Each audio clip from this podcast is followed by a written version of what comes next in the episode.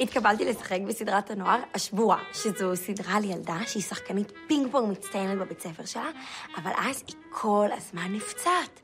עד שהיא מוצאת שער לעולם אחר שבו כולם עשויים מגומי, ואז שם היא מתאהבת בבחור אלסטי. נשמע מעניין.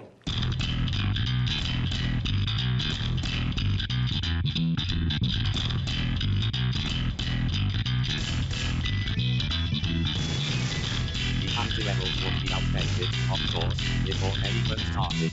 Then on the page, too sincere, clearly regret, backward, wait, naive, anachronistic. Maybe that'll be the point. Maybe that's why they need the next real level. Real level, as far I can see, with disapproval. בוקר טוב, צהריים טובים, אחר צהריים טובים, ערב טוב, לילה טוב, ולפנות בוקר נהדר לכם. אתם מאזינים למשדר רשת, לי קוראים ארז. משדר רשת, פודקאסט בענייני השעה, שזה מה שמעניין אותי בשעה שבה אני מדבר.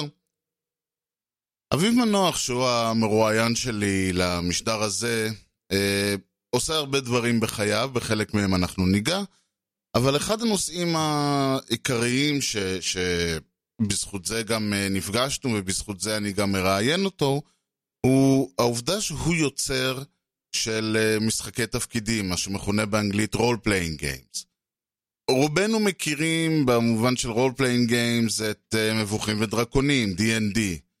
עכשיו, מבוכים ודרקונים, אני לא אכנס פה להיסטוריה הארוכה והמסובכת והמסועפת של uh, מבוכים ודרקונים, מי שרוצה יהיה לינק uh, ככה לכמה דברים באתר. הרעיון מאחורי מבוכים ודרקונים הוא שבמקור בעצם זה היה מבוסס על מה שנקרא משחק מלחמה War Games.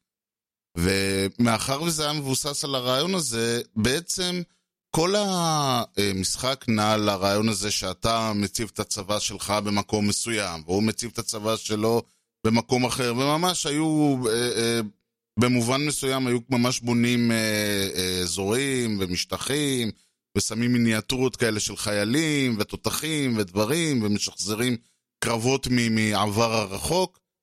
עכשיו השאלה היא כמובן, אוקיי, החיילים שלי יורים עליו, החיילים שלו יורים עליי, מי מנצח? לצורך זה הוכנס אלמנט רנדומלי שבדרך כלל היה זריקת קוביות. והרעיון היה, אוקיי, לי יש uh, תותח, ולי אני נמצא על הגבעה, והחיילים שלי מוסתרים, אז זה נותן לי כל מיני פלוסים לזריקה, ומהצד השני, הוא נמצא uh, מתח, uh, מתחת לגבעה, והחיילים שלו חשופים, וכו' וכו', אז זה נותן לו מינוסים מסוימים לזריקה. וכמובן שלפי הזריקה של הקוביות הוכרע מי ניצח, מי אה, אה, נפצע, כמה נפצעו, ומפה היינו ממשיכים, אנחנו, מי שהיו משחקים. הרעיון מאחורי המבוכים ודרקונים היה בואו ניקח את האלמנט הזה של לייצג איזשהו אה, מערכה, לייצג איזשהו עולם נקרא לזה, על ידי מכניקות מסוימות, כמה שווה טנק, כמה שווה תותח, כמה שווה חייל, ונעביר את זה לעולם של פנטזיה, מבוסס מאוד על טולקין. הבעיה העיקרית שנוצרה במהלך השנים, והיה מבוכים ודרקונים, ואדוונס, ואדוונס 2, ולאורך כל השנים, הבעיה העיקרית מאחורי המכניקה הזאת, מאחורי השיטה הזאת, היה לדעתי ש... מרוב שניסו לבצע סימולציה של העולם על ידי החוקים, קצת נסחפו. ונוצרה סיטואציה שבה בעצם לכל דבר שאתה עושה יש חוק, ויש עיקרון, ויש אה, כמה אתה צריך בשביל לפגוע, וכמה אתה צריך בשביל זה. ואיפשהו איבדנו את הרעיון שהרבה אנשים שהם מגיעים למשחקי תפקידים, מאבדים קצת את הרעיון של משחקי תפקידים. כלומר, זה שיש איזשהו ספר שאומר מה אני יכול לעשות אם אני רוצה להיות אה, אה, קוסם גמד, אז יש ספר שאומר, אוקיי, זה מה שאתה יכול לעשות בסיטואציה הזאת, וזה מה שאתה יכול לעשות בסיטואציה הזאת, ואני אומר, רגע, אבל אם הגמד שלי לצורך העניין, יש לו איזושהי אישיות מסוימת, יש לו איזשהו אופי מסוים, יש לו איזה שהם רעיונות, הוא עשה דברים מסוימים בחייו, עד כמה באיזשהו שלב החוקים, אה, מה שנקרא, נתקעים בקיר. או השחקן שמנסה להגשים את הדמות הזאת, לשחק אותה כמו שהוא רואה לנכון, נתקע בקיר. ונוצר איזשהו צורך אצל הרבה שחקני תפקידים, אצל הרבה אנשים שבין אם הם כשחקנים, מנחים או יוצרים, בא הרעיון שבעצם בא ואומר, אני רוצה ליצור, לשחק בעולם שמשרת את הסיפור. כלומר שקודם מה שיהיה חשוב זה הסיפור, ומשחק התפקידים, והאינטראקציה בין השחקנים, בין השחקנים לבין עצמם, ביניהם לבין העולם, ו- ולא משנה אם אני מטייל ב- בשדה, או הולך, או נלחם עם איזשהו אורק, או מה שזה לא יהיה. הגמד קוסם שלי, אני רוצה שיתנהל בצורה מסוימת, אני רוצה שהעולם ישקף את האופן שבו הוא, ו- וכמו שאני רואה אותו אה, לנכון. כי אם לצורך העניין, הגמד קוסם שלי, הוא, יש לו הרבה חברים מכל מיני מקומות, והוא יכול להיעזר בהם, אבל בחוקים אין, אה, אה, אין ממש מכניקה שמדברת על העניין הזה, זה הולך לאיבוד. ואני רוצה שכן יהיה ביטוי לאופן הזה שבו אני משחק את הדמות, והמהלכים והזריקות של הקוביות יצטרכו לייצג את הדברים הספציפיים שבאמת בהם הדמות שלי צריכה איזשהו אלמנט רנדומלי. כלומר, שאנחנו צריכים להכריע, אוקיי, סיפרתי מה אני עושה ואיך אני מתנהל, בשביל לדעת את תוצאות המהלך הסופי, בסופו של דבר צריכה להיות איזושהי זריקה, צריך להיות איזשהו אלמנט שיכריע אם הצלחתי או לא הצלחתי, ואם כן אז כמה, ואם לא אז כמה נכשלתי. לצורך העניין הזה נוצר איזשהו אה, אה, משחק שנקרא Apocalypse אה, World. ו Apocalypse World הפך את כל הרעיון הזה באמת על ראשו, ועשה את זה בצורה כל כך טובה שהרבה מאוד משחקים אה, בפועל נבנו על בסיס Apocalypse World. קודם כל, הוא פירק לחלוטין את הרעיון הזה שיש לך אה, גזעים ומה אה, שנקרא classes, מקצועות, הם אה, איזשהו, אה, כלומר, אתה תחום בתוך איזשהו עולם, וזה לא משנה אם העולם הזה הוא אה, מקביל, כמו ב-Advanced Dungeons and Dragons 2, או יותר מתירני, כמו במהדורות היותר עכשוויות.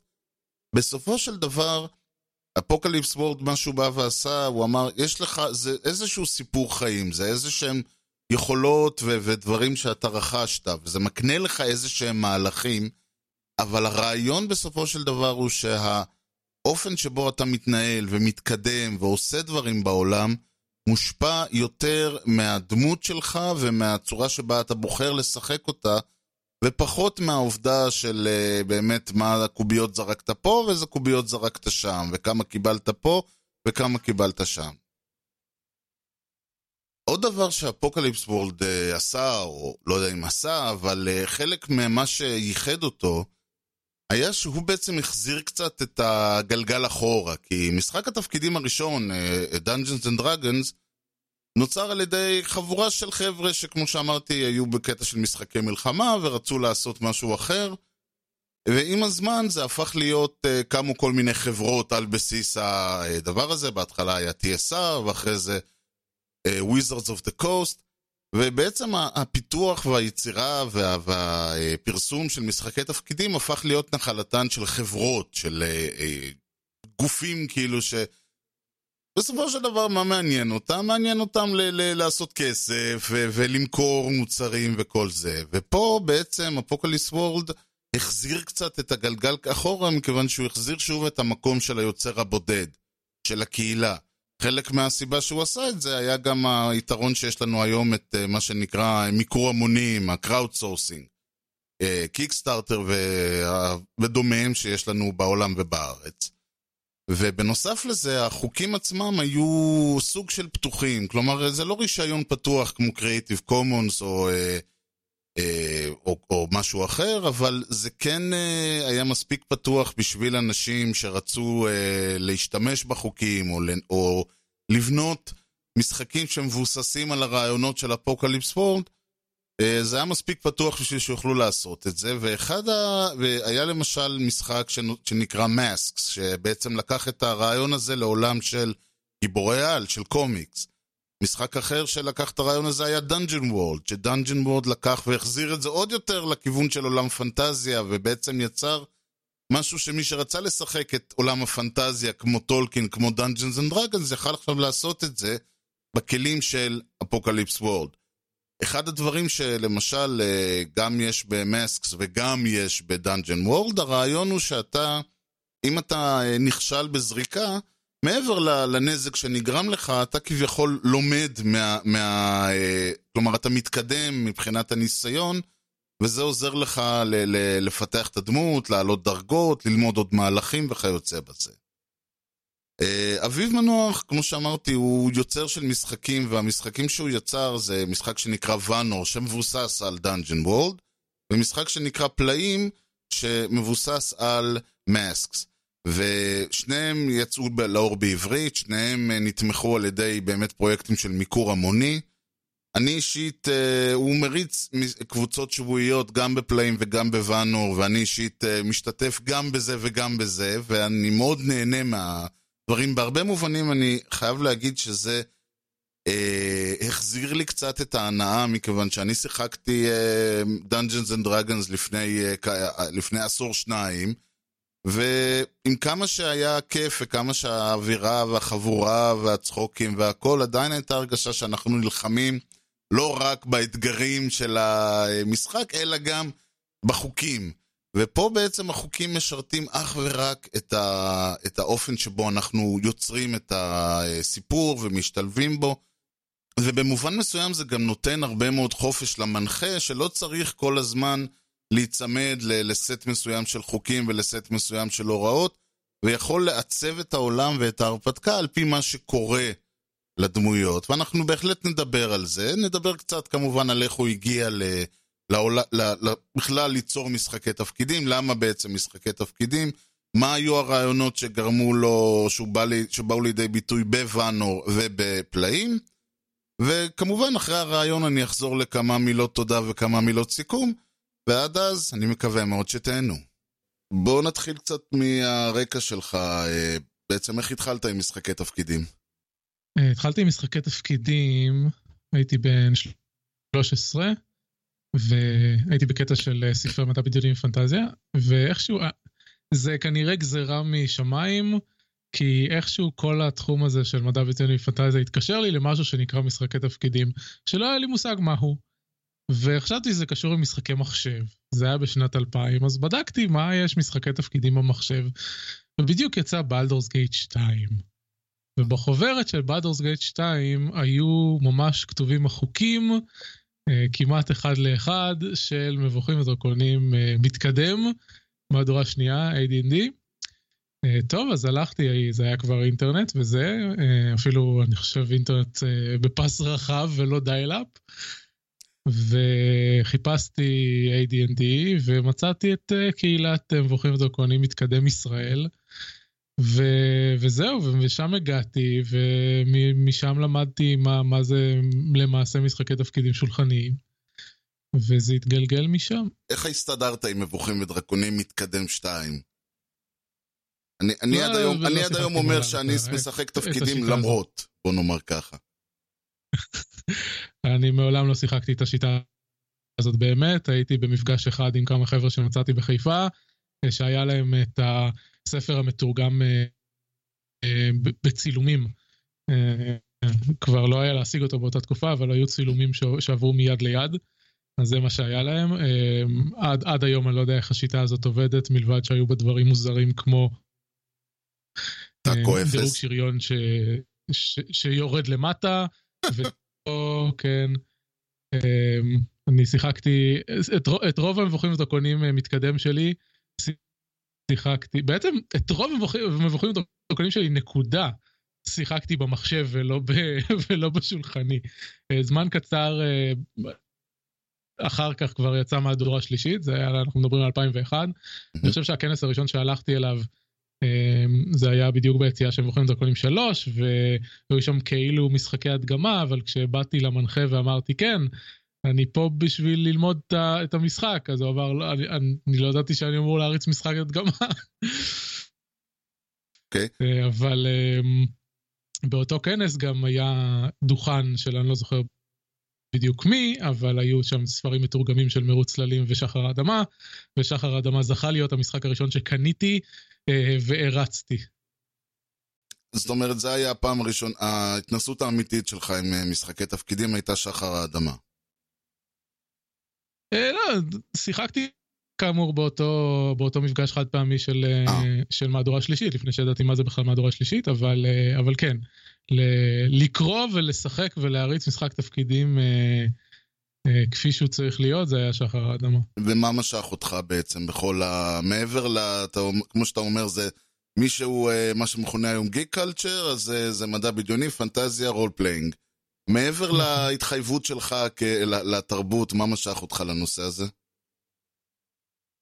אמ, אני חושב שה world building בעיקר, רוב מה שעשיתי בשנים הראשונות אה, לא הייתה לי קבוצה, אה, מדי פעם אה, מצאתי כמה אנשים לשחק איתם אה, חד פעמי או משהו כזה, אבל אה, לא היו לי קבוצות קבועות, אז אני לא יכול להגיד שהחוויה החברתית או משהו זה- היה אה, משהו חשוב במשיכה שלי לתחביב. הרוב זה היה כתיבה של דמויות, של הרפתקאות, של עולמות. את שני המשחקים שהוצאתי אחר כך לאור, ואנור ופלאים, זה שני עולמות מערכה שכתבתי, קשה לקרוא לזה כתבתי, אבל הם נוצרו בין 2000 ל-2002 שתיהם. אז, אה, אז אני חושב שזה הגורם המשיכה העיקרי, וזה הגורם המשיכה העיקרי עד היום. אני, אני רולפליי מקולקל, אני לא מתחבר לחוויית ה-actual רולפליי, האימרסיה עם הדמויות לא חשובה לי כהוא זה. אני אוהב את העלילות ואת הבניית עולם ואת ה... את האינטראקציה בין, ה... בין הדמויות לסיפור יותר מאשר האינטראקציה בין הדמויות לעצמן. שזה מעולה בתור מישהו שיוצר עולמות ומנחה. אני כשחקן בדיוק בצד ההפוך. כלומר, אותי מה שהכי מעניין זה ה role playing והאינטראקציה. וה... אז אני חושב שזה טוב שלכל אחד יש את המקום שלו. אז בעצם כתבת את העולמות עשורים לפני, או לפחות עשור לפני שבכלל אה, פיזית יצרת את, ה... את עולמות המערכה ש... ואת החוקים שבעצם פרסמת. כן, אה, פלאים בכלל התחיל כסוג של דמיון מוד- מודרך, ולא, זה היה אפילו לפני שידעתי מה זה משחקי תפקידים, זה היה כמה חודשים לפני. אה, היינו בטיול בר מצווה, ואני פינטזתי לעצמי על אה, אנשים עם כוחות על שנלחמים בשמי העיר, והיה מערכת מאוד נוקשה של איזה כוחות יש להם, ובאיזה כוחות כל אחד יכול להשתמש, וההיררכיה ביניהם והפוליטיקה ביניהם. וזה המשיך להיות סוג של מפלט דמיוני במשך הרבה מאוד שנים, uh, וניסיתי מדי פעם לאבד את זה למדיות שונות. Uh, uh, הרבה לפני ש... הרבה לפני שהפכתי את זה לממש גיבורי על של קומיקס מערבי, זה עבר כל מיני איטרציות. זה היה פנטזיה אורבנית, וזה היה אנימה, וזה היה כל מיני דברים כאלה. איך מצאת את מה שבסופו של דבר אה, הביא אותך לכתוב?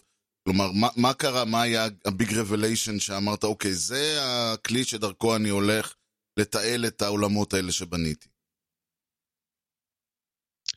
אמ, זה כבר סיפור קצת שונה, בעיקרון מה שהיה, אה, אני מגיל 16 החלטתי שאני רוצה לפתח משחקים. אה, אמ, כמובן שמאז ועד היום עברו הרבה מים מתחת לנהר, העולם של פיתוח משחקים בסביבות שנת 2003, 2004, 2002, 2003, היה, היה מאוד שונה ממה שהוא היום. אמ, אז לטובה ולרעה. מבחינתי, אה, אני חושב שבעיקר לטובה. אוקיי, אה, אז, מקבל. אז מבחינתי ל- לפתח משחקים היה אה, לקבל תפקיד אה, בחברת משחקים, כמובן בישראל אה, לא היו קיימות אה, חברות כאלה להוציא את, אה, וואי, אני לא זוכר איך קראו להם, אבל הייתה חברה ישראלית אה, שהתפרסמה מאוד בזה שהם אה, התכוונו לפתח משחק MMORTS, אה, ודיברו על זה במשך הרבה שנים, ובסופו של דבר לא יצא מזה כלום.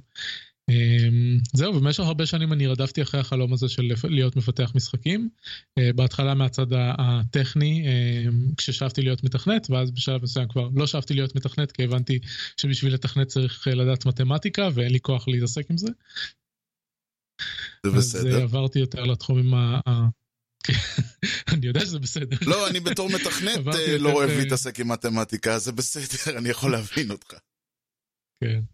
אה, למרות שאתה אתה יודע, יש דברים שאתה יודע היום שלא ידעת פעם. אה, היום אני יודע שאם הייתי, שיכולתי להציב לעצמי נתיב שבו הייתי לומד לתכנת בלי הצורך ללמוד תואר אקדמי עם נכון. מתמטיקה ברמה אקדמית. נכון, אבל אה, לא מצד. שני זה היה עושה לך את החיים כמפתח משחקים הרבה יותר קשה. יכול להיות. אוקיי, כמובן שאז גם לא היה לנו את כל, אה, את כל מה שיש היום עם, ה, עם המנועים החינמיים וכל ה, זה נכון. כל המשאבים שיש uh, סביב זה. בקיצור, um, ב, בעשור מגיל 16 עד לגיל 26, פחות או יותר, נהייתה תופעת האינדי, גם, גם בתחום משחקי המחשב וגם בתחום משחקי התפקידים, באופן uh, כמעט מקביל אחד לאחד. כלומר, פעם היו לנו כמעט אך ורק משחקי תפקידים, ואני מדבר על משחקי תפקידים מופצים מסחרית, לא כן. דברים שאנשים כותבים אה, לעצמם בבית, או, או סתם מפיצים לחברים שלהם, אה, וזה היה כמעט אך ורק אה, חברות מסחריות, פאבלישרס וזה, כמובן Wizard of the Coast, אבל היה לנו גם את FASA, ואת Chaosium, וכהנה וכהנה, זה הכל היו publishers.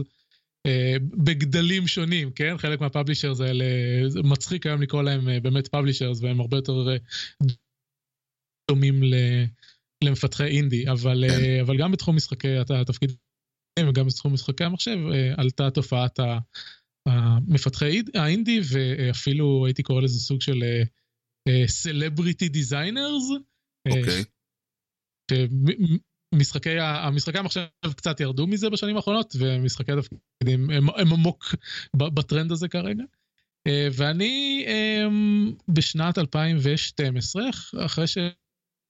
חזרתי, הייתי בכנס דרקוניקון אחרי הרבה שנים שלא הייתי בכנסים בכלל, כי התמקדתי בדברים אחרים, היו כמה שנים שבכלל התעסקתי עם משחקי תפקידים.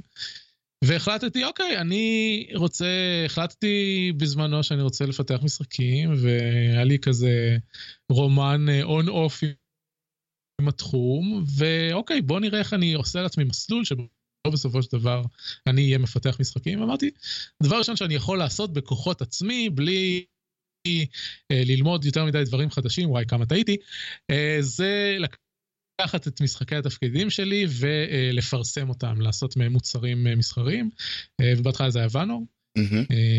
חיפשתי לוואנור בשנת 2007 בקהילת הפונדק, עשינו הרבה פיתוח עם ואנור למבוכים ודרקונים 3, ואמרתי, אוקיי, אולי אני אקח את, ה, את הדברים שפיתחנו, ופאספיינדר היה פופולרי באותו זמן, כי מבוכים ודרקונים 4 לא הייתה פופולרית, ואני, ואני אעשה איזשהו עולם מערכה וזה, ואז התחלתי לחקור מה, במה זה כרוך להוציא דברים ל Pathfinder, ראיתי וואי זה מסובך, צריך רישיון וכן הלאה.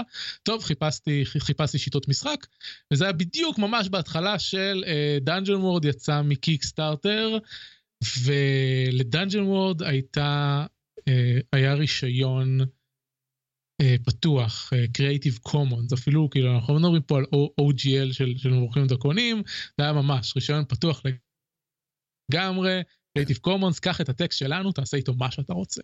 כן. וזה היה כזה, וזה היה כזה וואו, והעוד יותר וואו היה שקראתי את דאנג'ן וורד, אמרתי, אוקיי, מישהו כתב משחק שמתאר בדיוק איך אני אוהב לשחק משחקי תפקידים. זה... ועד היום, כאילו, עבר... כן, זה, זה כן. בדיוק מה שאני זוכר כשקראתי את ואנור, שאני אמרתי, או, oh, סוף סוף. כן. חוויה היא מאוד משותפת. בעניין הזה. ועד היום לא קראתי שום דבר אחר מלבד משחקי עולם האפוקליפסיה ש, שעושים את זה בצורה כל כך מוצלחת, והיום אני יודע גם להצביע, לשים את האצבע על זה שהם פשוט אה, מחברים את, ה, את הנרטיב ואת האווירה שאתה רוצה להעביר מעולם המערכה שלך ומהסיפור שאתה רוצה לספר יחד עם החוקים בצורה שאף שיטה אה, אחרת ש, שקראתי לא עושה. אה, זהו, אז החלטנו על Dungeon World, ונכנסתי לתהליך המפרך של לתרגם את Dungeon World, בהתחלה בכוחות עצמי, אחר כך צירפתי לעצמי את, את, את חגי גומפרט בתור שותף לדרך, ואז גם ערן אבירה מצטרף בתור עורך, ואז עמותה משחקי תפקידים בדיוק החליטה שהם נותנים מענקי יצירה ליצירה מקורית בתחום, אז הייתי הראשון שקיבל את המענק הזה. וידעתי שאני רוצה להיות, להוציא את זה במימון המונים, בהתחלה זה אפילו לא דובר על, על ספר מודפס. כי אמרתי לעצמי, אני לא רוצה להיכנס לעניין הזה, אני לא יודע איך עושים את זה. אז טוב, אז נממן את זה, יהיה דיגיטלי, ו- ונראה מה, מה הולך אחר כך. ואז דניאל רוזנברג מה, מהוצאת הפונדק הציע שהוא יממן את ההדפסה, Mm-hmm. בלי קשר לקיקסטארטר, כלומר, מהקיקסטארטר בקיckstarter זה יצא בעצם רק, רק העלות של העותקים של התומכים, אה, אבל מעבר לזה הוא מעין את ההדפסה. אמ, בדיעבד אה, היו לזה אה, מעלות ו- ומגרעות, אבל לא, לא ניכנס לזה. כמובן הדבר החשוב ש- שוואנור מומן ויצא לאור, וכמו שאמרתי, חשבתי ש, שאני אני כשיר לעשות את הדבר הזה, וגיליתי כמה דברים חסרים לי בדרך, אבל uh, סך הכל זה היה, זה היה מאוד מוצלח, ושנתיים אחר כך uh, איתי חורב uh, בא לדבר איתי על uh, זה שהוא רוצה ל- לבדוק איך אפשר להוציא את uh, קוסמים קטנים, ליטל uh, וויזרדס, לאור בעברית, וייעצתי לו ועזרתי לו עם הפנייה לחברה שמוציאה את הספר לאור. אה, קוסמים קטנים היה, היה עניין אחר, כי מדובר פשוט ב- בלקחת את הספר כמו שהוא ולהפיק אותו בעברית, כלומר עם כל הגרפיקה שלהם וכן הלאה. כשאני לקחתי את Dungeon אה, World עם הרישיון Creative Commons, כל מה שלקחתי היה את הטקסט. לא השתמשתי ב- בשום פריט אחר מהמשחק שלהם, כלומר הייתי צריך ליצור בעצמי את הגרפיקה ואת האיורים וכן הלאה, ובשביל קוסמים קטנים, אה, הוא, הוא איתי חורב אה, נכנס בהסכם הפצה ממשי עם המוציא לאור של זה, אה, שזה אמר לשלם להם איזשהו אה, רישוי ותמלוגים. ודברים כאלה. אמ, זהו, והוא הגיש, אה, שוב, באותה תקופה עשינו דרך על כתפי גמדים אה, פרויקט שנקרא קיפשן הגמדים, שזה היה- המטרה של זה היה לעזור ליוצרים עצמאיים להוציא את היצירה שלהם לפועל, עם, עם התמיכה שלנו, כל אחד בתחומו. אז אה, ערן אה, ערך את הספר, ואני ליוויתי מבחינה, מבחינה שיווקית, אה, עזרתי להריץ את ה... לתכנן ולהריץ את המימון המונים. וזה באמת הייתה הצלחה מעל ומעבר. אה, 32 אלף שקל לדעתי, עד היום, ה- אם ואנור היה המימון המונים הראשון בישראל למשחקי תפקידים קוסמים קטנים הוא עד עכשיו המוצלח ביותר מביניהם. והליווי של, אה, של קוסמים קטנים היה מאוד, אה, זו הייתה חוויה לימודית מאוד אה, גדולה בשבילי, כי גם, כלומר, איתי עשה את כל הדברים, אבל אני, אני הייתי איתו, אז ידעתי פתאום, הוא דיבר עם בתי דפוס, ולמדנו איך עושים הפצה לחנויות ודברים כאלה. וגם באתי, ואני הייתי אחראי על לאמד את הספר, של להכין אותו לדפוס. ואני למדתי בזמנו עיצוב גרפי, אז ידעתי להשתמש ב- בתוכנת אינדיזיין, אבל uh, אני לא יודע נקודה פחדתי ממנה. זו תוכנה, uh, מצד אחד אני אגיד שהיא מאוד מורכבת, מצד שני אחרי שאתה לומד להכיר אותה היא, היא, היא קסם, ש, כן. שזה משהו אחר לחלוטין. את ואנור, את ואנור הוצאנו על בסיס וורד, וזה זה אחד הדברים הכי, הכי קשים ומתסכלים שיש ב, ב, בעולם. אני מתאר אז, לעצמי. אה, אבל עם קוסמים קטנים, מה ש... כן, עם קוסמים קטנים, מה שהיה טוב זה שהיה לנו את הספר, נתנו לנו, המוציא לאור, נתן לנו פשוט את הקבצי אינדיזיין של הספר באנגלית. אה. אז אני לקחתי את ה... אני שמתי על, מס, על מסך אחד את האינדיזיין באנגלית, על מסך שני את האינדיזיין בעברית, לקחתי את הטקסט והתחלתי, שמתי את הטקסט והתחלתי לעבור ולעשות את זה בדיוק, בדיוק כמו בקובץ המקורי, וככה למדתי את כל הטכניקות של איך אה, הם עשו את הספר המקורי. וכל כך נהניתי מהתהליך והתלהבתי ממנו, שבאותו זמן החלטתי, אוקיי, אני לוקח את באנור, זה משהו ש... שניסיתי לעשות אה, במשך השנים מאז ההוצאה המקורית, אמרתי, אוקיי, אני רוצה לעשות אותו יותר טוב, אני רוצה להעלות אותו ל print on demand ב DriveThru ו- ודברים כאלה. כן. אז ניצלתי את ההזדמנות ו... אה, ותוך כדי גם ישבתי לאמד מחדש את, אה, את ואנור, ובאמת אני חושב חצי שנה, משהו כזה, אחרי קוסמים קטנים, אה, אה, אה, אה, מימנתי, את- הוצאתי למימון את המהדורה המחודשת של ואנור, שכבר הייתה בצבע מלא, ובפורמט יותר טוב, עם הרבה יותר איורים, וכלומר, כל הכסף שוואנור אה, הרוויח בתור פרויקט לאורך השנים, אה, החזרתי חזרה ל- לפתח את הפרויקט עוד יותר. אה, וככה יצאה המהדורה המחודשת.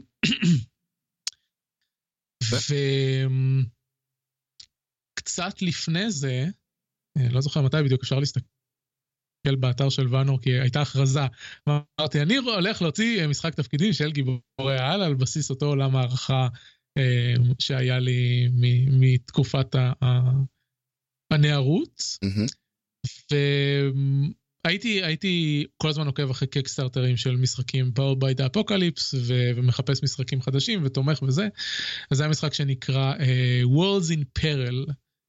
ו... um, ואמרתי אוקיי הנה זה סוף סוף משחק שיאפשר לי להוציא לאור את אה, מה שהיה מה שהיום הוא פלאים אבל אז היה עוד נקרא אדירים. מהמם. וכהכנה לזה, כלומר הגיע, הגיע ה beta test או משהו כזה של המשחק, וישבתי והתחלתי לעשות לו translation glossary וזה, והרמנו את קבוצת הצ'אט הראשונה.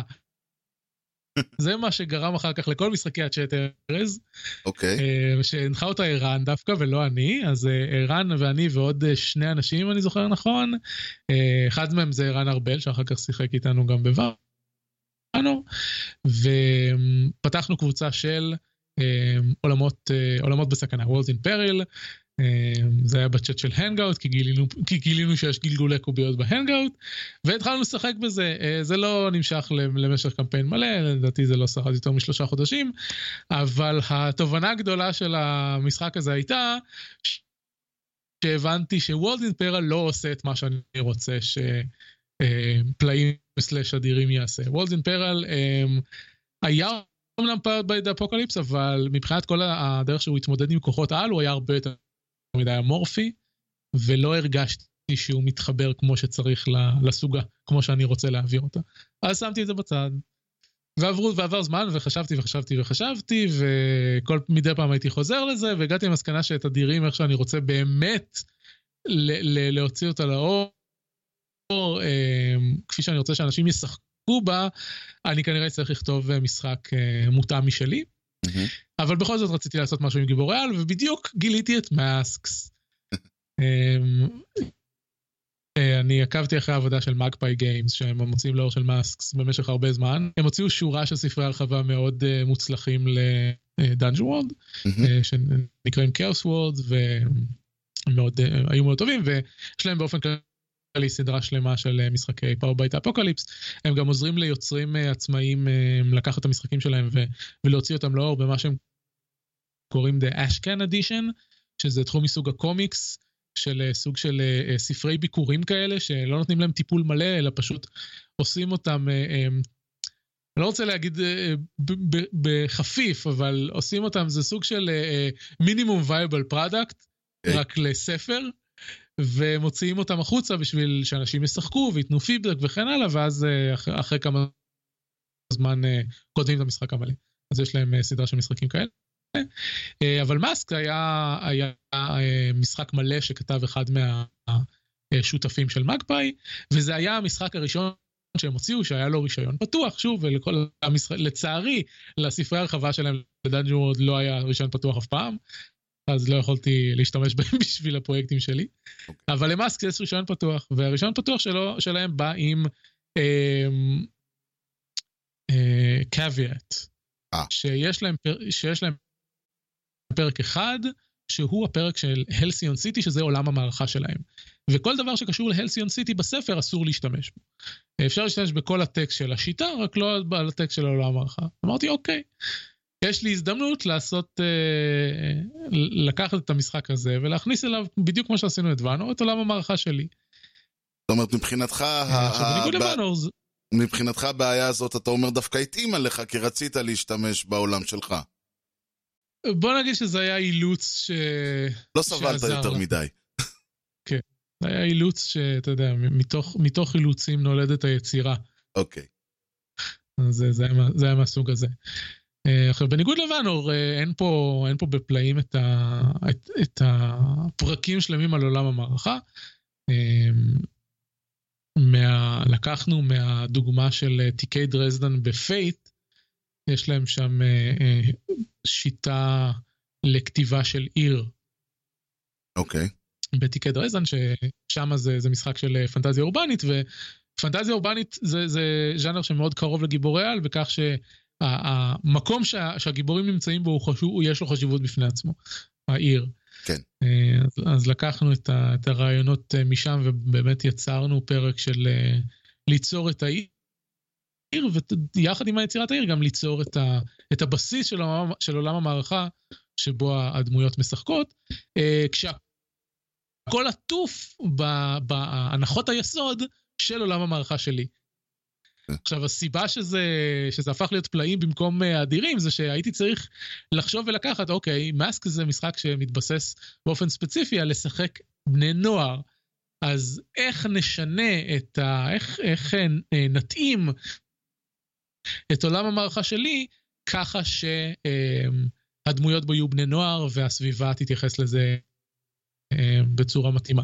שוב פעם, המגבלות אה, מובילות ליצירתיות. אז. ככה, מזה, מזה נולד כל הסיפור של, אה, אוקיי, הייתה מלחמת האדירים וגיבורי העל נחשפו לעיני כל, ועכשיו אנחנו משחקים את הדור החדש של ילדים שגדלו לאחרי המלחמה, ומבחינתם גיבורי העל זה משהו שהוא יחסית בשגרה.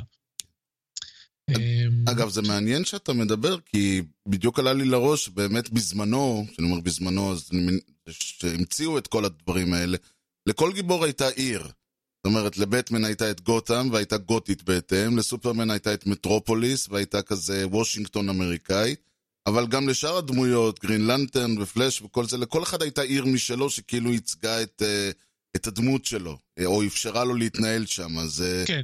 זה בעצם חלק מהבסיס של איך שפעם היו יוצרים את הדמות. היו יוצרים את הדמות, את העיר, והוא היה מתנהל בה, וזה היה חלק מהאטמוספירה שלו. נכון, ב-DC זה הרבה יותר בולט, כי באמת, כמו שאתה אומר, לכל דמות יש, אה, שמו אותה בעיר נפרדת, אה, הפלאש הוא, ב- הוא בסנטרל סיטי, ויש את מטרופוליס וגותם וכן הלאה.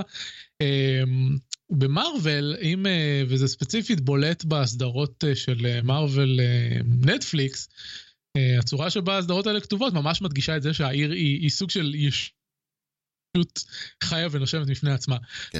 עכשיו שם, הם לא לוקחים, כאילו הם לוקחים את ניו יורק והם לוקחים ספציפית את מנהטן והם מחלקים אותם לשכונות.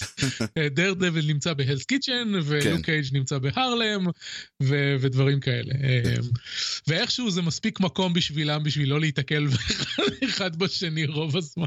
טוב, זה, זה בדיוק העניין, כי מרוויל רצו לעשות ריאליזם, ומצד שני, באמת כל דמות בהתחלה הייתה חיה בעולם משלה. זה לא משנה שדוקטור דום היה מפוצץ חצי ניו יורק, בספיידרמן לא היית שומע על זה. אז איכשהו זה שרד עד ימינו. נכון. אוקיי, אמרת אה, שלמדת, כש... בזמן שפיתחת את המשחקים, אז למדת כמובן הרבה מהטעויות שלך. מה היו דברים שדווקא עשית נכון מהרגע הראשון, שאתה יודע, במקרה או בכוונה עשית, ועד היום אתה אומר, וואלה, זו הייתה החלטה טובה? כן, ההחלטה אה, אה, להכניס לשון נקבה בפרקי מנחה של ואנו. אה, זה. זה התחיל ככה, יש לי על זה גם פוסט בבלוג. קראתי קצת לפני זה דיון מאוד ארוך ב-RPGNet על, על שפה בספרי משחקי תפקידים. איך שבשנות ה-90 ווייט וולף הפכו את זה לגמרי ללשון נקבה, והיו, עדיין, והיו הרבה אנשים שמצאו גם את זה לא אידיאלי. וכן הלאה, ואחד מהפתרונות שהציעו זה באמת אה, להתייחס לתפקידים השונים במשחק אה, בלשון שונה. ובעברית זה הרבה יותר גרוע מאנגלית, כי בעברית כן. אין לך ברירה אלא אה, לפנות אה, בלשון ממוגדרת. אז אה, התייעצנו, הצוות, אה, העליתי את, הנקודה הזאת בפני הצוות, והתייעצנו והחלטנו בסופו של דבר על מה שהחלטנו. אה, כשחלק מקוריאה קראו את, הדבר הזה, הייתה להם תגובה אה, אלימה, בוא נקרא לזה ככה. אבל uh, לשמחתי זה חלחל הלאה, וכל המשחקים העצמאיים שיצאו אחריי uh, השתמשו באותה קונספציה, uh, חרבות וכשפים שתרגמו לעברית, קוסמים קטנים שתרגמו לעברית. הערכה למתחיל של עיר בערפל שקיימת בעברית. אבל אני חושב שבהוצאה הרשמית של פאת'פיינדר זה לא ככה, אבל לא קראתי את הספר. בסדר.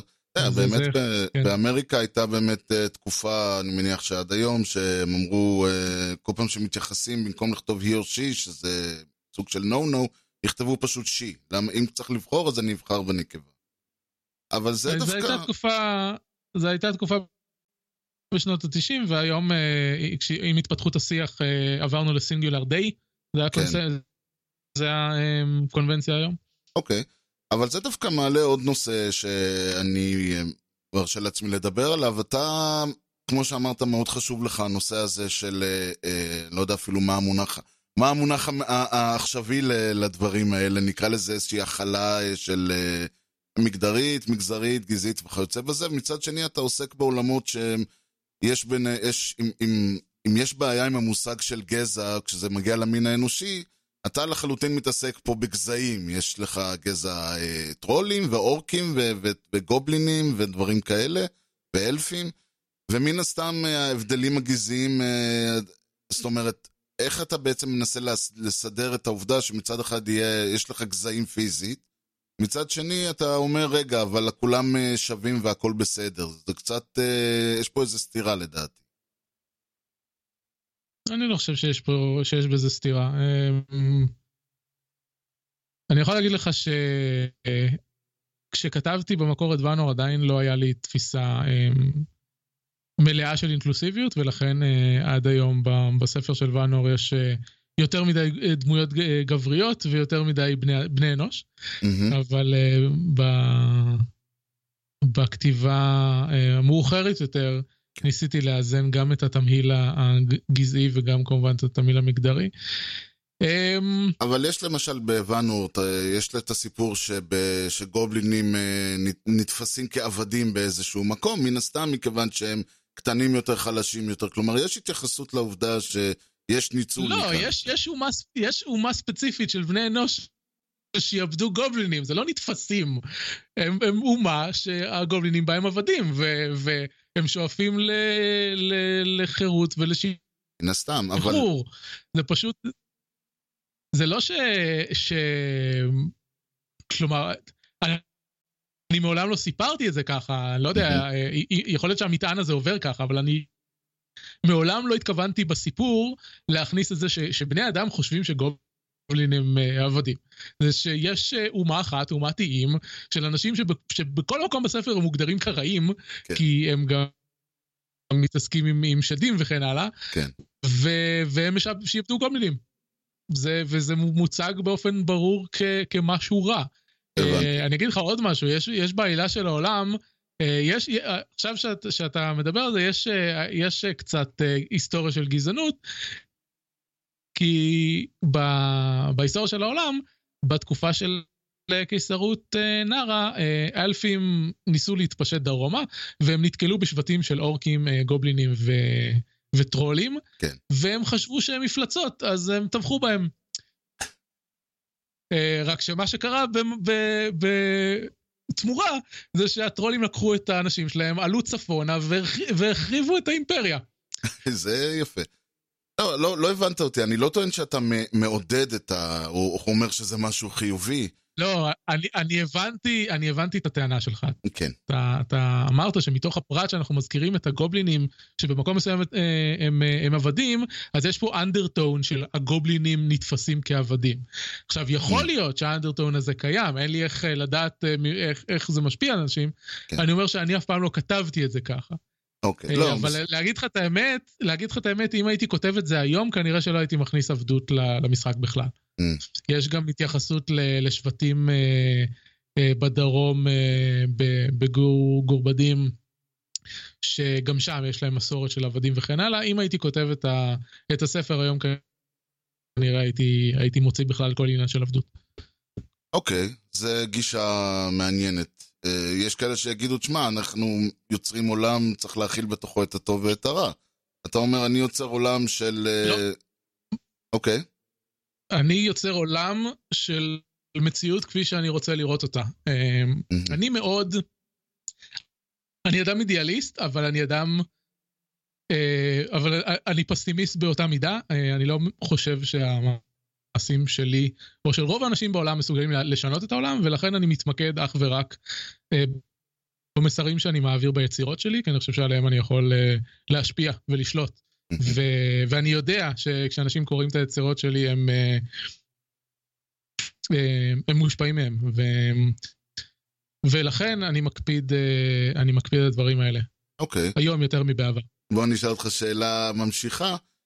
אה, לצורך העניין בפלאים, החבר'ה שם הם, אה, אמנם כולם יודעים שיש כוחות, אה, סופר כוחות וכל זה, או איך שקוראים לזה, אבל בסופו של דבר זה לא אומרים, אוקיי, אתה יודע לעוף, אתה יודע לשרוף, לשרוף דברים בכוח הראייה, אין בעיות, תשתולל חופשי. זאת אומרת, יש עדיין עניין של החוק, יש עדיין עניין של זה אסור, יש עדיין עניין שאתה עלול להיתפס, או, או החברה עלולה לשפוט אותך באופן שונה. יש את העניין הזה של האינטראקציה של השונה עם ה... בדמויות מסוימות, של השונה עם החברה. למה לא לבוא ולהגיד, אה, אוקיי, כולם, אה, שוב, כולם שווים, הכל בסדר, הכל אה, טוב ויפה. אני אגיד לך שזה מה שאנחנו החלטנו כשיצרנו את, ה... את עולם המשחק שלנו בקבוצה. אחת השאלות ש... שנשאלות בספר זה מה היחס לפלאים, ויכולנו לא לבוא ולהגיד הם, הם עברו אה, הטמעה מוחלטת לחברה. יכולנו להגיד את זה, בחרנו כקבוצה לא להגיד אה. את זה, כי זה הסיפור שרצינו לספר. אוקיי, אז אני, אה, מה שנקרא, משליך מהפרטי אל ה... אה, על- לא, אני, תשמע, אני חושב שזה יהיה ככה כמעט בכל הקבוצות, כי אני פשוט... אני פשוט חושב שלספר סיפור, טוב, זה, סיפור, זה יהיה סיפור נורא אחר. כן. ה- הסיפור של עולם שבו אה, גיבור, בואו לא נקרא להם גיבורי העולם, שבו אנשים בעלי כוחות כן. עברו הט- הטמעה מוחלטת. זה הרבה יותר קרוב לוויזרדין וורלד של הארי פוטר, כשאתה בתוך עולם הקוסמים ולא בעולם השני של המוגלגים. אה, זה, זה כנראה יערב אנשים בעלי כוחות שעושים כל מיני מקצועות שרק אנשים בעלי כוחות יכולים, אה, ודברים כאלה. פוקימון, כן. זה כמו העולם של פוקימון, שבהם יש פוקימונים שהם חזקים ולכן הם עוזרים בהובלת דירה, ופוקימונים אש שעוזרים במפעלים אה, להצית להבות ודברים כאלה. אה, זה יכול להיות מעניין לשחק את זה, אבל זה לא מה שבחרנו לשחק. ברור. לא, זה דווקא, אני אגיד לך למה אני דווקא חשבתי על זה, יוצא לי עכשיו ככה לחזור קצת לפנטסטיק פור אה, האנטיקה משנות ה-60, ופנטסטיק פור היו תמיד בהצהרה, כלומר, לא היה להם אלטר אגוז, הם היו, כולם ידעו מי הם ומה הם מהרגע הראשון, ובערך בחוברת השישית כבר חוטפים להם את הבניין ומעיפים אותו לחלל, כי לא צריך לשאול את עצמך מי הם, אלא אני יודע מי הם, אז אני פשוט בא לבית שלהם ו- ומפוצץ אותם. אז בדיוק הש- אה, שאז אתה אומר, אוקיי, אולי אתם כן צריכים להסתתר ו- ולהסתיר את הדמויות שלכם. יש פה משחק מעניין. אגב- ו... כן? כן, ויש פה את ה... הנקודות האלה של הסיפור, זה דברים שהם מופיעים ומשולבים בארכיטיפים.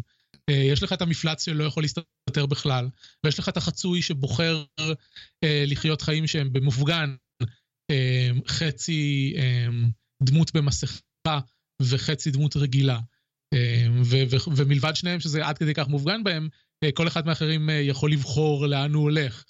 אה, כי לצורך העניין, היורש נגיד, שאנחנו לא משחקים בקבוצה שלנו, אבל יש לו מהלך שמאוד דומה ל- לאני הוא החוק מוואנור של אם אנשים מזהים את, ה, את השושלת שלו, את המורשת שלו, אז, אז יש, לו, יש לו יכולת אה, להשפיע עליהם. דיברת קצת על איך אתה, על איך יצרת את העולמות, איך יצרת את הספרים, עולם המערכה, מה שנקרא.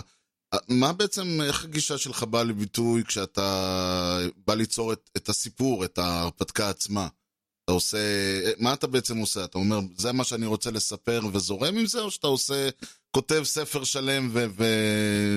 זאת אומרת, איפה אתה נמצא על הסקאלה הזאת? אמרנו כבר שמשחקי Powered by Apocalypse הם, הם, הם מגיעים עם הגישה ש, שמתאימה לי למשחק, אז כראוי במשחקים האלה, אני מגיע עם מעט מאוד עד כלום. וכשאני מריץ לכם ואנור בדרך כלל יש לי איזשהו סיפור מסגרת, כי כן. בוואנור אנחנו בוחרים גם אזור שאנחנו נמצאים בו. אז אה, כל פעם שהצעתי לכם אה, לבוא לשחק באזור מסוים, היה לי רעיון למה לעשות uh, עם האזור הזה. אבל, uh, אבל גם אז, נגיד uh, בגלרת העצמות, באתי עם הרעיון של אוקיי, כאילו, זה, הלך ככה, ואני אשבע לך, חיפשתי איך לקרוא לקמפיין, עשיתי רנדום ג'נרייטד, קיבלתי בון גלרי, ואז התחלתי לחשוב מה זה אומר. ו- ואז חיפשתי את הפירוש של המילה גלריה, והגלריה זה גם מעבר צר. כן. אז, אז הסתכלתי על המפה ואמרתי, אה, יש פה את האיים האלה, יש פה מעבר צר, אז גלריית העצמות יהיה המעבר הצר הזה. ו- ומזה באתי למפגש הראשון ש- שיצרנו את, ה- את הדמויות ואת הסיפור. אה, אה, כי גם... גם, אה, כי גם לגלריית העצמות הכנסתי את הדבר הזה שלא נמצא בוואנור, אבל הוא, הוא שאול ממשחק שנקרא דמיגודס, ודומה למה שיש במאסק, של איך החבורה שלנו התחברה יחד ומה עשינו, ואז יצרנו את הסיפור הבסיסי, ומתוך הסיפור הבסיסי הזה, אה, נולדו הכוחות השולטים בגלרת ה... לא הייתי צריך לעשות כלום. כן. נתת לשחקנים. לבנות את העולם. כן, אה, שזה מאוד דאנג'ן וורדי, כי אם אתה משחק Dungeon World נקי, אתה, אין לך אפילו מה שנקרא ואנו. אתה, אתה, אתה בא, יוצרים דמויות, מתוך הדמויות האלה המנחה מוציא אה, פרטי עלילה, ויצרתם אה, ביחד את העולם.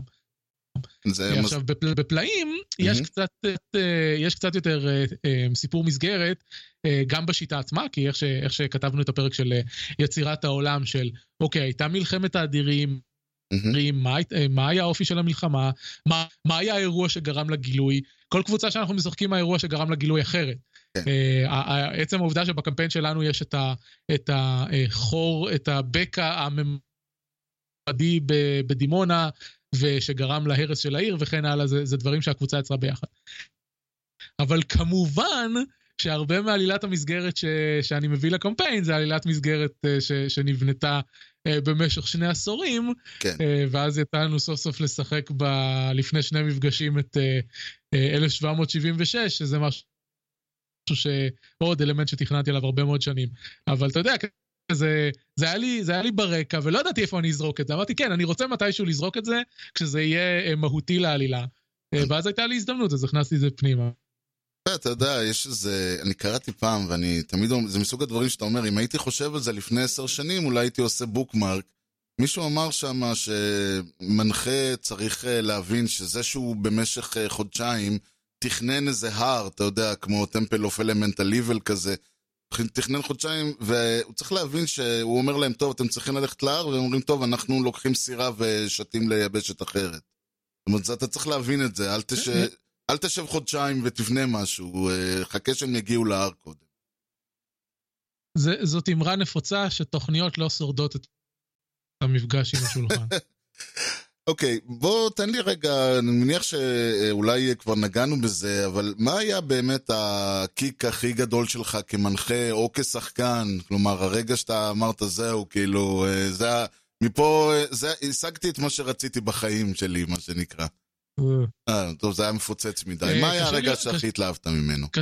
לא, קשה לי on top of my head להביא לך דוגמאות, אה, כי, כי היו הרבה רגעים כאלה.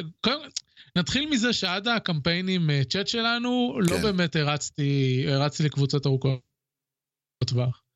אה, בתיכון אה, הייתה לי קבוצת משחק ששיחקתי בה, שיחקנו מהמם. יחד איזה שלוש שנים, אבל הקמפיינים שלנו נטו להסתיים בפתאומיות כשרצינו להחליף דמויות. ועד הקמפיינים של ואנור, לא, לא היה לי, לא, אף פעם לא הרצתי משהו ארוך טווח, הרצתי הרבה חד"פים והרבה כנסים. מהמם. אה, ליל הנצח היה הקמפיין הראשון ארוך טווח שהרצתי וסיימתי, והוא לקח משהו כמו 14 חודשים. אמ, ואז המשכנו הלאה. אוקיי. אה, אחד הרג... אני, אני אגיד לך, זה מתקשר גם לשאלה הקודמת. אמ, בחורש האפר, מהמם. אתה בשלב מסוים אמרת משהו על העוגנים שמחזקים את, ה, את הגבולות בין העולם, בין עולם הארוחות ל- לעולם האמיתי, כן. ו, ובערך בו ברגע שאמרת את זה, זה הנקודה שידעתי איך הקמפיין צריך, צריך, צריך להסתיים. כלומר, פתרת לי, חצי קמפיין, הי- היו לי, היו לי קצוות עלילה, לא ידעתי איך הן מסתיימות. ואז אמרת את זה, ואז אמרתי, אה, נכון. טוב, עכשיו כמו בספר טוב אני צריך אה. ללכת ולקרוא את כל העלילה מחדש, להבין איפה, אה, להבין את זה. אה, טוב, אני, אני חושב שבמשחקים שלנו זה, זה נהיה סוג של סגנון המשחק שלי, ל, לזרוק הרבה מאוד קווי עלילה על השחקנים בלי שהם ידעו מי נגדם ומי בעדם. Mm. ב- בקמפיין פלאים שלנו חפרתי בור טיפה עמוק מדי, אבל אנחנו יוצאים ממנו בסופו של דבר. בסדר גמור. טוב, אה, אה, עוד... אה, בקמפיין האבנו הראשון, אה, ליל הנצח, אמ, הדמות של, של יוגב, שעכשיו משחק איתנו בגלרת העצמות, הוא בחר לעטות כתר מקולל, שהרבה אנשים רדפו אחריו הרבה, הרבה זמן, ואז אמ, הי- הייתה לו בחירה. אמ, האם, האם לאבד את הדמות או, או, להמשיך, אה, או להמשיך איתה. כלומר, אה, אה, הוא יכל, הוא יכל לבחור למות. עכשיו, מה, ש, מה שהיה יפה בדבר הזה זה שחודשים רבים קודם לכן, הדמות הגיעה באופן טבעי לאפס נקאפ, והייתה אוקיי. צריכה לגלגל אה, ערש דווי, ויצאה לו תוצאה חלקית. כלומר, הוא נשאר בחיים, אה, אבל הוא קיבל אה, בחירה, והוא שיחק דמות מאוד דתית. הוא, הוא שיחק נוכל, אבל, אבל מאוד דתי, מאוד אה, קרוב ל- לאלוהות שלו, לאנורטרן של הבני אנוש. ומאותה נקודה אה, היו לו הרבה, אה, לכל, לכל הקמפיין היו לו סימנים מהאלים.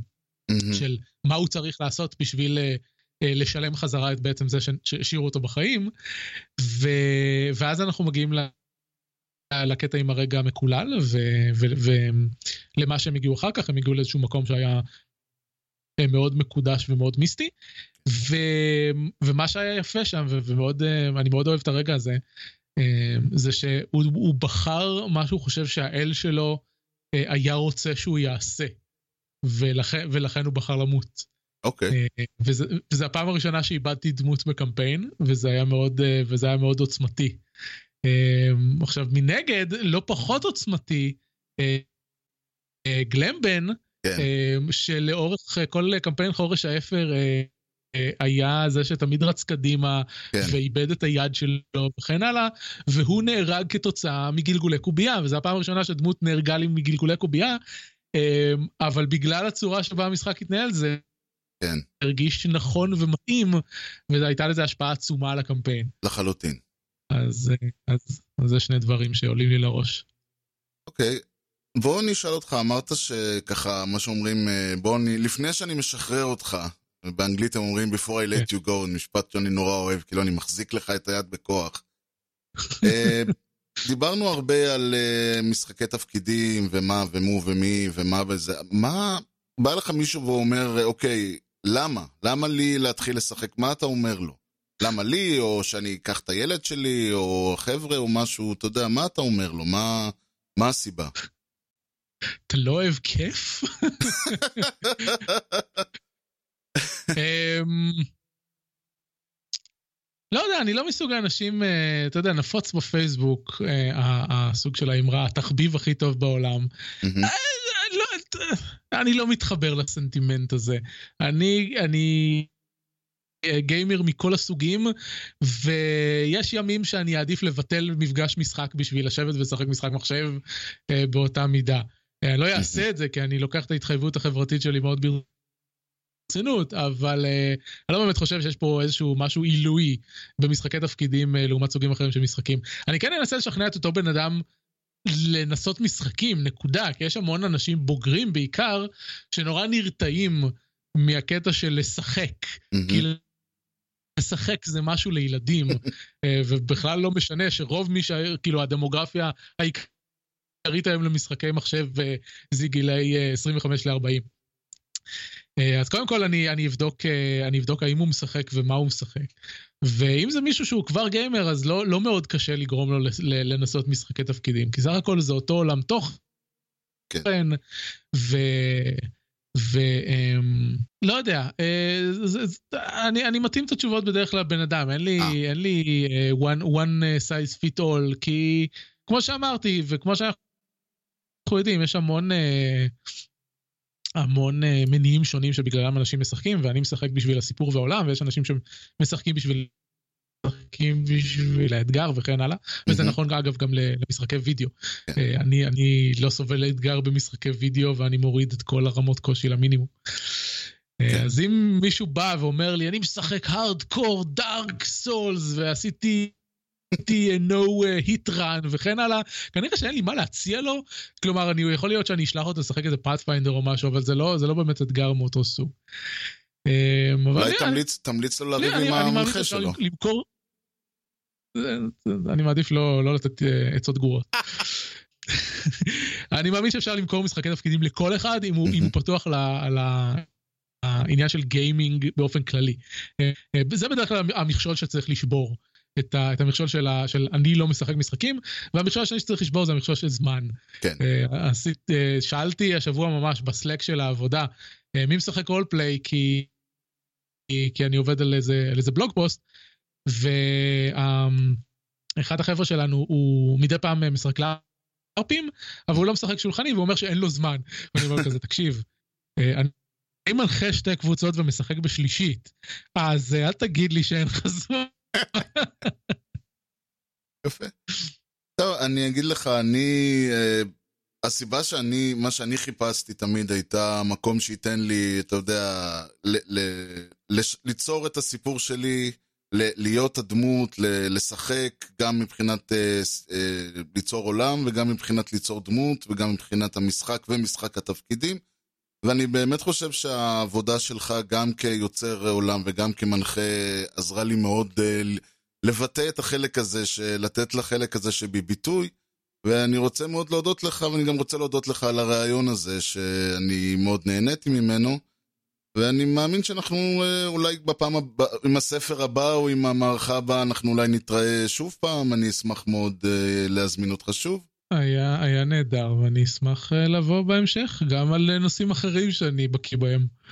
נמצא כבר משהו. אוקיי, תודה רבה, אביב. בשמחה.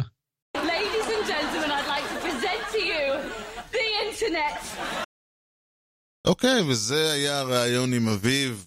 היה ממש ממש כיף, כמו שאתם מבינים. הרבה מהדברים שנגענו ככה לקראת החלק האחרון של, ה... של הרעיון, זה באמת דברים שנובעים מהאינטראקציה שלי ושלו ושל עוד הרבה אנשים במערכות, וזה בעצם הכיף הגדול, שאולי אה, חלק מהרעיון היה גם קצת לנסות לעשות אה, אה, יחצנות לקונספט הזה של משחקי תפקידים. והוא גם אומר את זה שלהרבה אנשים מבוגרים, ואנחנו לא ילדים, אף אחד מאיתנו, וחלק מהאנשים שם יש להם ילדים שקשורים או לא קשורים, חלקם מגילאים אה, צעירים ומבוגרים יותר. הרעיון פה זה שזה נותן איזשהו, מעבר להרבה אנשים שבאים הביתה ואומרים, טוב, אני צריך להשתחרר, טלוויזיה, סרט או כל מיני דברים אחרים. פה יש איזושהי דרך קצת לנקות את הראש, קצת לשנות, קצת לעשות משהו שהוא שונה, ולבטא עוד פעם את האלמנט היצירתי שיש, אני מאמין, לכל אחד מאיתנו. בזה שאנחנו לובשים איזושהי דמות, משחקים איזשהו משחק, זה יכול להיות אה, בעולם אה, שהוא מוכר לנו, וזה יכול להיות בעולם שהוא זר לחלוטין. מה שכן, ההנאה לדעתי מובטחת, ו... אה, מאוד מקווה שיצא לי בעתיד לדבר עוד עם אביב ועם אנשים אחרים על הנושא, כי זה נושא שהוא איפשהו נמצא כזה תמיד בשולי ה... כולם יודעים שזה קיים, אבל רובנו בכלל לא יודעים שאנשים עוד עושים את זה. בטח לא אנשים שעברו את גיל התיכון, מה שנקרא. בכל מקרה, אם יש למישהו שאלות, אה, השגות, תובנות, רעיונות, משהו שהתחבר או לא התחבר לו, או אלו שהם נושאים שעלו שאתם רוצים אה, לשאול יותר, לברר יותר, או שאתם רוצים להתראיין בעצמכם במשדרשת ויש לכם משהו מעניין, תמיד אני אשמח אה, אה, לדבר איתכם. המייל שלי הוא ארז שטרודל משדרשת.co.il ארז E-R-E-Z, משדרשת אה, כותבים כמו ששומעים. משדרשת co.il זה גם האתר, אפשר למצוא שם את כל משדרי העבר, אפשר למצוא לינקים לכל הדברים שדיברנו ואני... חפרתי היטב וניסיתי למצוא באמת כל דבר שהזכרנו, ככה שהקורא, השומע, אה, לא אה, ילך לאיבוד, אז שמתי שם לינק. זה נמצא, אם אתם, אה, אם זה המשדר שהוא כרגע המשדר הנוכחי, אז לוחצים פשוט על ההערות וההרחבות, ואם זה משדרי עבר, אז פשוט ללחוץ על הלינק של המשדר, אפשר למצוא את זה שם, אפשר כמובן להאזין למשדרשת בכל, מהאתר עצמו, להוריד את ה-mp3 למחשב, ולמי שמעוניין יש בתחתית הדף, יש קישורים לאפל פודקאסט ולספוטיפיי ולסטיצ'ר ולרדיו פאבליק ולערוץ היוטיוב של משדר רשת. אפשר למצוא את משדר רשת גם בטוויטר, twitter.com/ארז ופייסבוק, facebook.com/משדר רשת. וזהו, עד כאן להפעם. אני רוצה להודות המון המון המון לאביב שהקדיש לי את השעה ובאמת אה, העברנו אותה בסבבה. אני רוצה להודות לכם על שהאזנתם, ועד המשדר הבא, אני הייתי ארז. ושיהיה לכם המשך יום נהדר, ולהתראות.